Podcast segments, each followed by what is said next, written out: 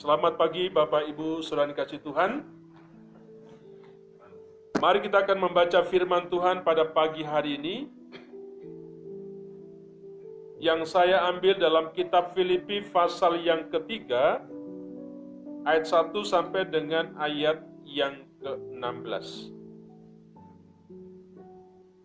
Filipi pasal yang ketiga ayat 1 sampai 16. Mari kita akan membaca silih berganti. Kita akan membacakan bersama-sama ayat ganjil saya bacakan, Bapak Ibu Saudara bacakan ayat genap sampai dengan ayat 16. Demikian bunyi firman Tuhan. Kebenaran yang sejati. Akhirnya saudara-saudaraku bersukacitalah dalam Tuhan. Menuliskan hal ini lagi kepadamu tidaklah berat bagiku dan memberi kepastian kepadamu.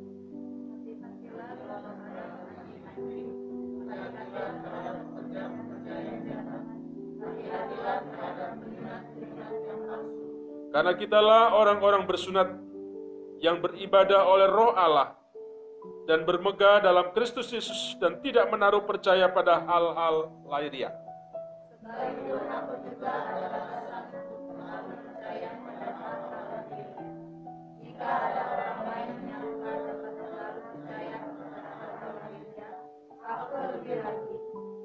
Disunat pada hari ke-8 dari bangsa Israel dari suku Benjamin, orang Ibrani asli, tentang pendirian terhadap hukum Taurat, aku orang Farisi.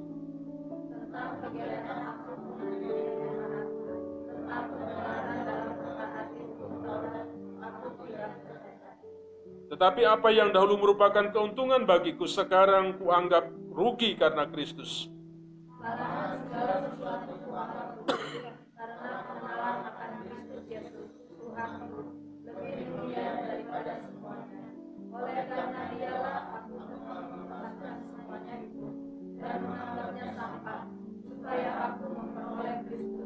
Dan berada dalam dia bukan dengan kebenaranku sendiri, karena mentaati hukum Taurat, melainkan dengan kebenaran karena kepercayaan kepada Kristus, yaitu kebenaran yang Allah anugerahkan berdasarkan kepercayaan. Yang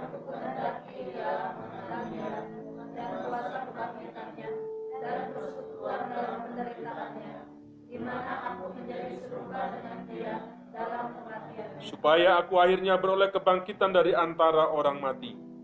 Bukan seolah-olah aku telah memperoleh hal ini atau telah sempurna, melainkan aku mengejarnya. Kalau-kalau aku dapat juga menangkapnya, karena aku pun telah ditangkap oleh Kristus Yesus.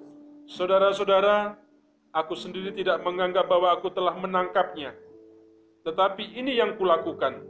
Aku melupakan apa yang telah di belakangku dan mengarahkan diri kepada apa yang di hadapanku.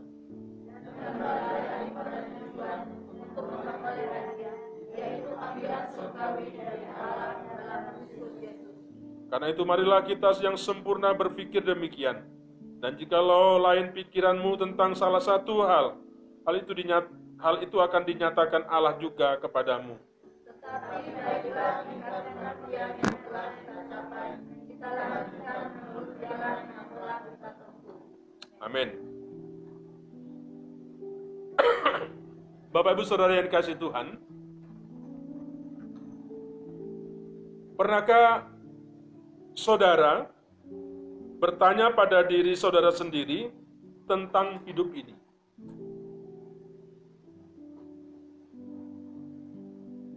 Apa pertanyaannya? Pertanyaannya sederhana. Mengapa saya hidup? Mengapa ya? Saya masih hidup sampai hari ini. Di tengah-tengah COVID-19, kita masih hidup. Kita masih lalu lalang ke sana ke sini. Tapi sampai hari ini kita hidup. Puji Tuhan kita tidak terpapar karena COVID. Kenapa? Saya hidup.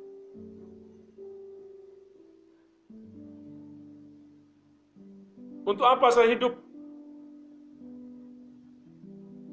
Seorang Natal berkata, puji Tuhan Pak, saya selamat dari api, sehingga saya tidak mati. Tapi pertanyaannya, buat apa kamu hidup? Untuk apa saya hidup? untuk apa Tuhan menyelamatkan saya dari COVID ini, dari api yang menyala-nyala.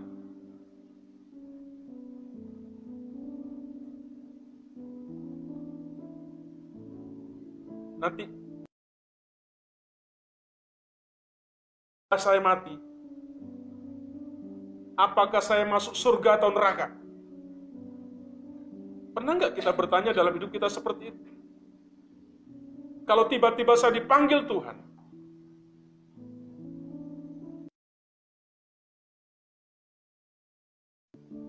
apakah saya masuk surga atau saya masuk neraka?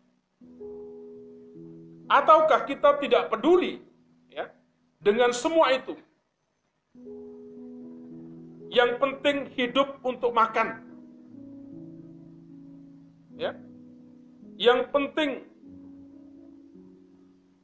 kita mengerjakan sesuatu dalam aktivitas sehari-hari. Tidak penting itu. Mungkin ada orang yang berprinsip, Pak, ngapain susah-susah? Hidup mengalir saja. Yang di, yang penting dibuat happy, yang penting dibuat bahagia. Urusan mati itu urusan mati nanti. Engke kumaha kumangke, kata gitu kan. Bapak Ibu, saudara kasih Tuhan. Apa yang mau saya, saya tekankan di sini bahwa ingat setiap orang harus memiliki apa yang namanya tujuan. Apa tujuan saudara hidup dalam dunia ini?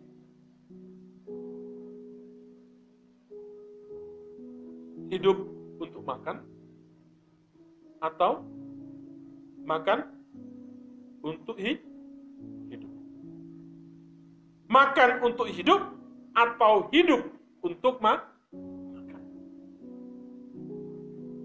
Apakah ini yang menjadi prinsip kita? Apakah ini yang menjaya, menjadi gaya kehidupan kita? Saudara kita harus memiliki sebuah tujuan yang yang benar dengan hidup yang diberikan Tuhan kepada setiap kita. Jangan sampai kita menjalani hidup ini tanpa tujuan. Gak ngerti mau ke mana. Gereja ini mau dibawa ke mana gak ngerti.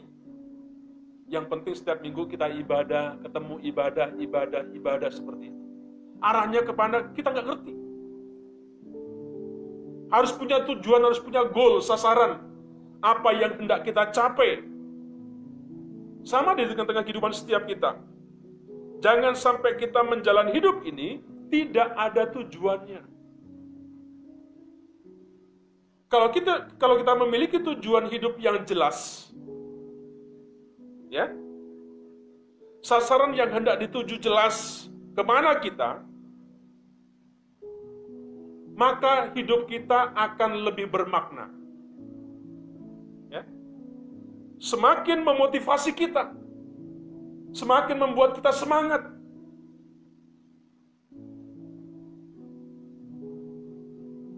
Semakin mendisiplin kita, semakin mengontrol kita ke arah yang benar. Kalau kita memiliki sebuah tujuan yang jelas.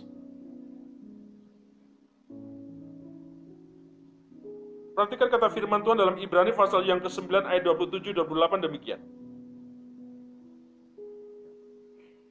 Dan sama seperti manusia, ditetapkan untuk mati hanya satu kali saja. Dan sesudah itu dihakimi.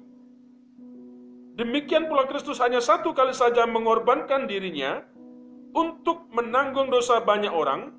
Sesudah itu, ia akan menyatakan dirinya sekali sekali tanpa menanggung dosa untuk menganugerahkan keselamatan kepada mereka yang menantikan Dia.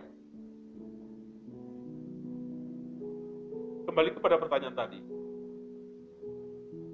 Kita masuk surga, kita masuk neraka, kelak itu sangat ditentukan oleh tujuan hidup kita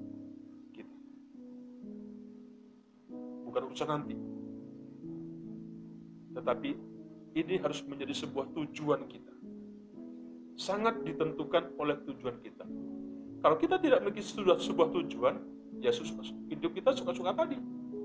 Terserah kita. Ya kalau kita senang, kita datang. Kalau kita lagi tidak senang, kita jauh. Kenapa?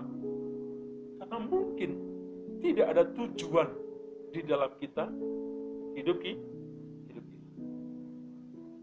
Bapak Ibu, kalau saya pergi jalan-jalan dan saya tidak tahu ke mana arahnya, sepertinya nggak nyaman begitu loh. Ya. Beda ketika ketika saya mau pergi ke satu tempat, saya mau ke sana. Rasanya semangat, memotivasi harus cepat nyampe nyampe saya ingin lihat apa yang sedang ada di sana. Oleh sebab itu Bapak Kasih Tuhan, kata firman Tuhan tadi, Alkitab jelas menyatakan bahwa manusia ditetapkan untuk ma mati. Kemarin saya besuk ke Bapak Mei. Bapak Mei. Dia berkata apa? Puji Tuhan, Pak, saya selamat. Kalau dia cerita Bapak Ibu seperti itu dia nangis. Ingat bagaimana api Bagaimana Daniel dengan kawan-kawan ketika ada dalam perapian seperti yang menyala-nyala, tapi tidak terbakar. Ketika mendengar, melihat memeru itu mulai teringat, dia nangis. Dia hanya berkata, pada saat dia dia dia keluar dia berkata, apakah aku masih hidup? Ya. Dan dia katakan Tuhan terima kasih. Aku masih diberikan sebuah kehidupan. Walaupun dalam kondisi yang seperti itu. Nah, dikatakan dengan jelas itu bahwa manusia ditetapkan untuk mati satu kali. Setelah itu ia akan dihakimi. Ya. Jangan sampai kita mati di suasana COVID seperti ini. Kita takut mati, tapi kita nggak pernah takut dengan dengan Tuhan. Kita tidak mau punya punya suatu hubungan yang bagus dengan Tuhan. Hanya takut mati. Bapak Ibu, oleh karena itu hiduplah dengan tujuan yang benar. Seperti apa yang dikatakan oleh Rasul Paulus tadi. Kalau kita membaca dalam bagian yang lain dikatakan, bagiku hidup adalah Kristus dan mati adalah keuntungan.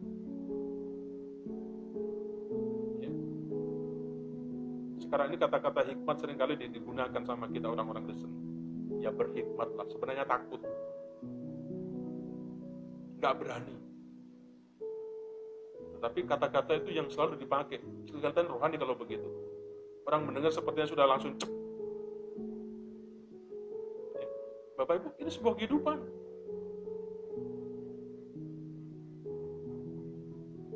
Apalagi di masa-masa pandemi seperti ini apalagi di kita mendengar ya di sekitar kita yang kena. Bukan ODP katanya positif seperti itu. Sibuk. Jangan sampai kena nanti mati. Tidak salah. Kita perlu waspada. Hati-hati. Kemarin kita survei ke pantai Anjar di sana. Buset pantas. Ya. Banyak orang di sana. Sekolah ditutup. Gak boleh masuk. banyak anak orang tua ngumpul jadi satu. Tidak tahu apa-apa, dia takut, tidak takut mati.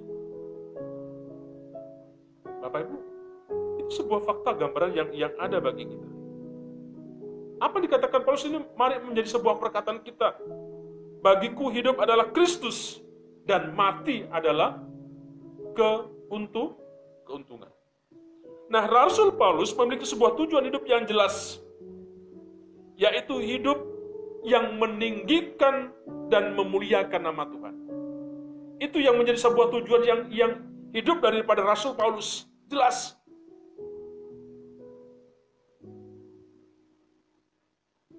Kita ini kalau urusan dunia berani. Ternyata ke Cilegon itu jauh. Saya harus bayar tol, saya harus bayar bensin. Belum lagi kalau sewa, sewa, sewa, sewa mobil. Ya. Orang kan begitu kan? Untuk acara-acara pesta luar biasa. Berani. Tapi untuk perkara-perkara Tuhan yang kekal, kadang-kadang pikir-pikir.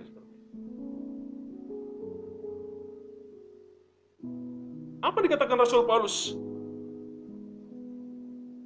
Hidup yang meninggikan dan memuliakan Tuhan. Mari saudara di tengah-tengah segala kesibukan saya, kesibukan kita masing-masing, mari pada pada saat kita ibadah, entah itu ibadah saudara di rumah, atau saudara datang ke gereja, pastikan ada sebuah kerinduan yang yang berkorbar-kobar, yang bersemangat seperti itu. Kira-kira kalau engkau beribadah di rumah hari ini, kira-kira pakailah seperti kita-kita di tempat waktu saudara beribadah. Ya. Jangan kemudian makan minum begitu. Sama kira-kira lakukan seperti itu. Nah, Paulus itu yang menjadi tujuan hidupnya. Hidup Paulus adalah bagi Kristus, bagi Kristus dan untuk Kristus ketika hidup saudara? Untuk Kristus atau untuk diri kita sendiri?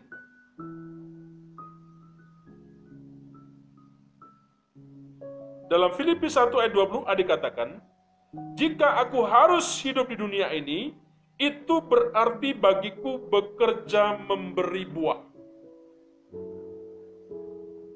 Artinya apa?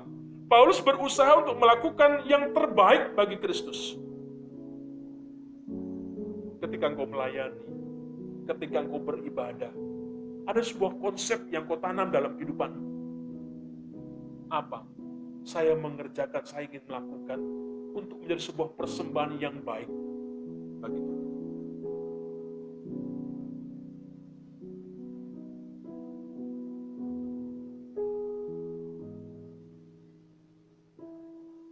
Itu yang yang yang yang apa yang dikerjakan oleh Rasul Paulus aku harus hidup dunia ini, itu berarti bagiku bekerja memberi buah. Artinya Paulus berusaha untuk melakukan yang terbaik bagi Kristus, menjadikan Tuhan Yesus sebagai teladan utamanya. Panutan kita adalah Yesus dalam hidupnya, serta menempatkan dia lebih dari apa pun yang ada di dunia ini. Itu Rasul Paulus seperti itu. Bagaimana dengan kita? Apakah Tuhan yang nomor satu, number one seperti itu? Kalau urusan lain, kita tinggalkan, nantilah. Saudara, barang siapa mengatakan bahwa ia ada dalam dia, ia wajib hidup sama seperti Kristus telah hidup kata firman Tuhan ya. Barang siapa mengatakan bahwa ia ada di dalam dia, ada dalam Yesus, ia wajib hidup sama seperti Kristus Yesus hidup. Kenapa? Itu yang harus menjadi sebuah teladan kita. Bapak Saudara, tidak perlu tidak tidak hanya diungkapkan, tidak hanya perlu diucapkan. Ya.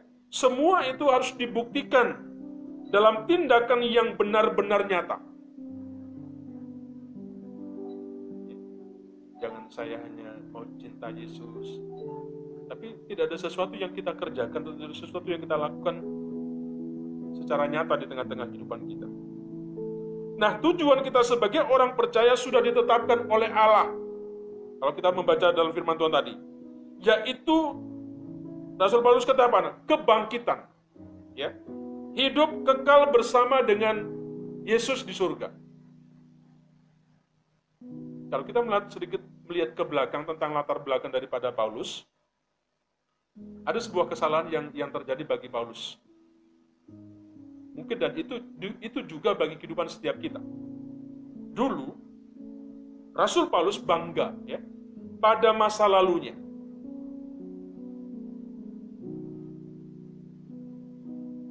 Dia orang yang bersuku suku Benjamin itu itu sebenarnya memiliki, memiliki arti yang sangat dalam. Kenapa sih hanya ngomong suku aja begitu? Apa sih suku Benyamin kok rasanya di, diungkapkan rasanya hebat? Apa sih suku Benyamin? Ya. Kenapa sih uh, uh, bersunat? Kenapa sih orang Farisi? Saudara, Bapak Ibu, itu ada sesuatu yang yang dulu memaknai sesuatu yang yang membanggakan seseorang di orang Jawa ningrat begitu kan, darah biru. Saya ini keturunan darah biru. Saya kira begitu. Ningrat, namanya ningrat itu orang dihargai. Rasanya ada sedikit dalam kutip sebuah kesombongan. Ya. Dulu Paulus bangga dengan hal semua itu, semua itu. Siapa dulu yang menganiaya jemaat? Punya sebuah kebanggaan. Ya. Nah, oleh karena itu, Paulus tidak lagi, kalau kita membacakan di sini, Paulus tidak lagi membanggakan keadaan lahir dia di luar Kristus. Ya. Sejak ia menerima Yesus Kristus sebagai juru selamat,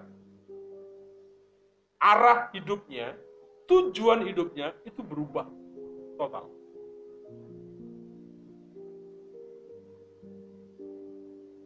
Berubah secara radikal. Semenjak dia bertemu, berjumpa dengan Yesus, semua masa lalunya yang menjadi kebanggaannya tadi, itu menjadi hilang. Menjadi sampah, tidak berguna.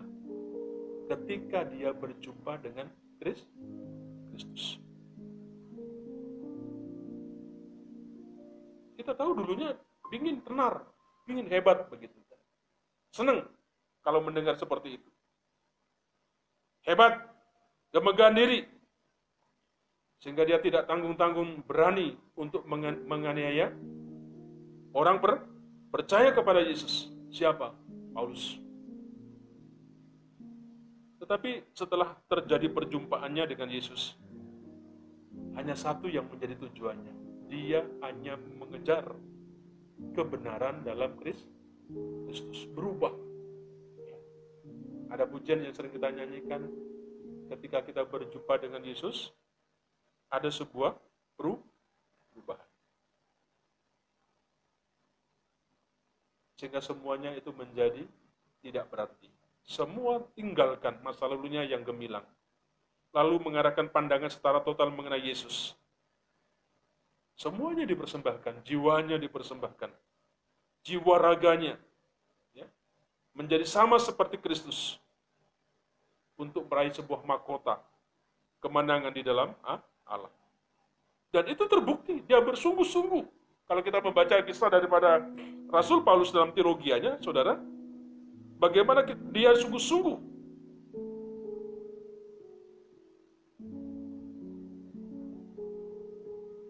Tapi yang sayangnya, banyak, terlalu banyak. Orang yang malah tidak mempunyai tujuan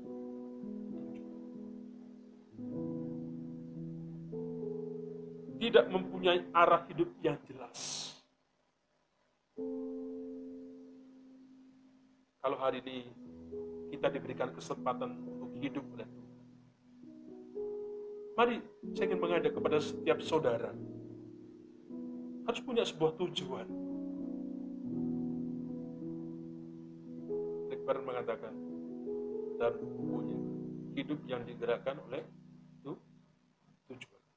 hidup yang digerakkan oleh tujuan. Itu, itu, itu, itu yang mendorong, itu yang memotivasi. Kalau kita tidak punya, kita akan seperti seperti seperti apa? Apa namanya itu? Kulitnya padi. Apa namanya? Kulitnya padi. Sekam, bukan gabah ya, sekam. kata firman seperti itu. Kita akan terombang ambing.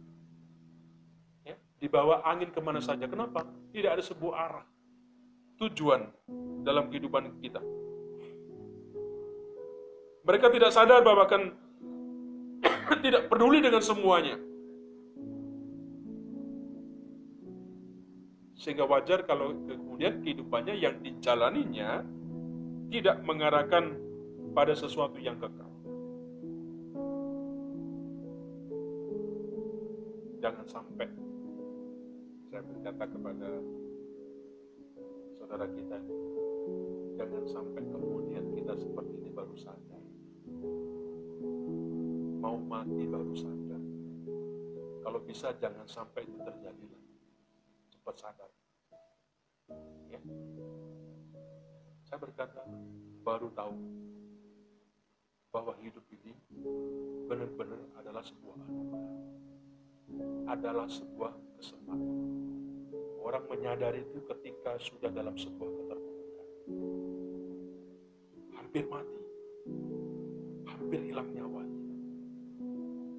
Bapak Ibu, mari saya mengajak pagi hari ini melalui firman Tuhan yang saya sampaikan kepada setiap kita. Mari kita arahkan pandangan kita kepada Tuhan yang menyediakan hidup kekal sehingga kita dapat berpegah dalam Kristus Yesus dengan hidup yang baru. Ya. Tujuan kita, tujuan hidup kita adalah pengenalan diri akan Tuhan. Itu yang harusnya terjadi. Yang kedua, hidup yang kekal bersama dengan Allah. Mari, di mana pun kita mendengar firman Tuhan hari ini, kita mesti harus memastikan bahwa kita harus mengarahkan hidup kita pada Allah bukan kepada yang lain. Kalau kau diberikan kesempatan oleh Tuhan sampai hari ini, jangan sia-siakan kesempatan itu. Hanya untuk sesuatu yang sifatnya lahiriah. Sehingga kau akan menyesal ketika maut menjemput akan setiap kita. Mari Bapak Ibu Tuhan, di tengah-tengah pandemi yang seperti ini. Kita boleh was-was, kita boleh hati-hati, tapi jangan sampai kemudian kita menjadi takut, sehingga kita tidak berbuat sesuatu. Mari apa yang disarankan oleh pemerintah kita, mari kita terus lakukan itu. Yang kedua, kita percaya ada perlindungan daripada Tuhan. Kita bukan orang-orang yang penantang-penantang terhadap virus. Tapi kita percaya ada perlindungan penyertaan Tuhan yang pada setiap kita. Di mana pun kau berada, apa pun yang kau kerjakan di luar, jangan takut. Ya. Mari, seperti tetap firman Tuhan hari ini, belajar untuk memiliki tujuan di hidup. Itu yang menggerakkan kita. Itu yang memotivasi.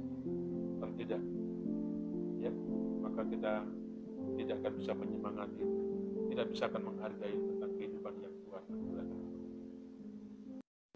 Mari kita akan aminkan firman Tuhan ini dengan satu pujian sambil kita berdoa di hadapan Tuhan dan nyanyikan bersama-sama hidup ini adalah sebuah kesempatan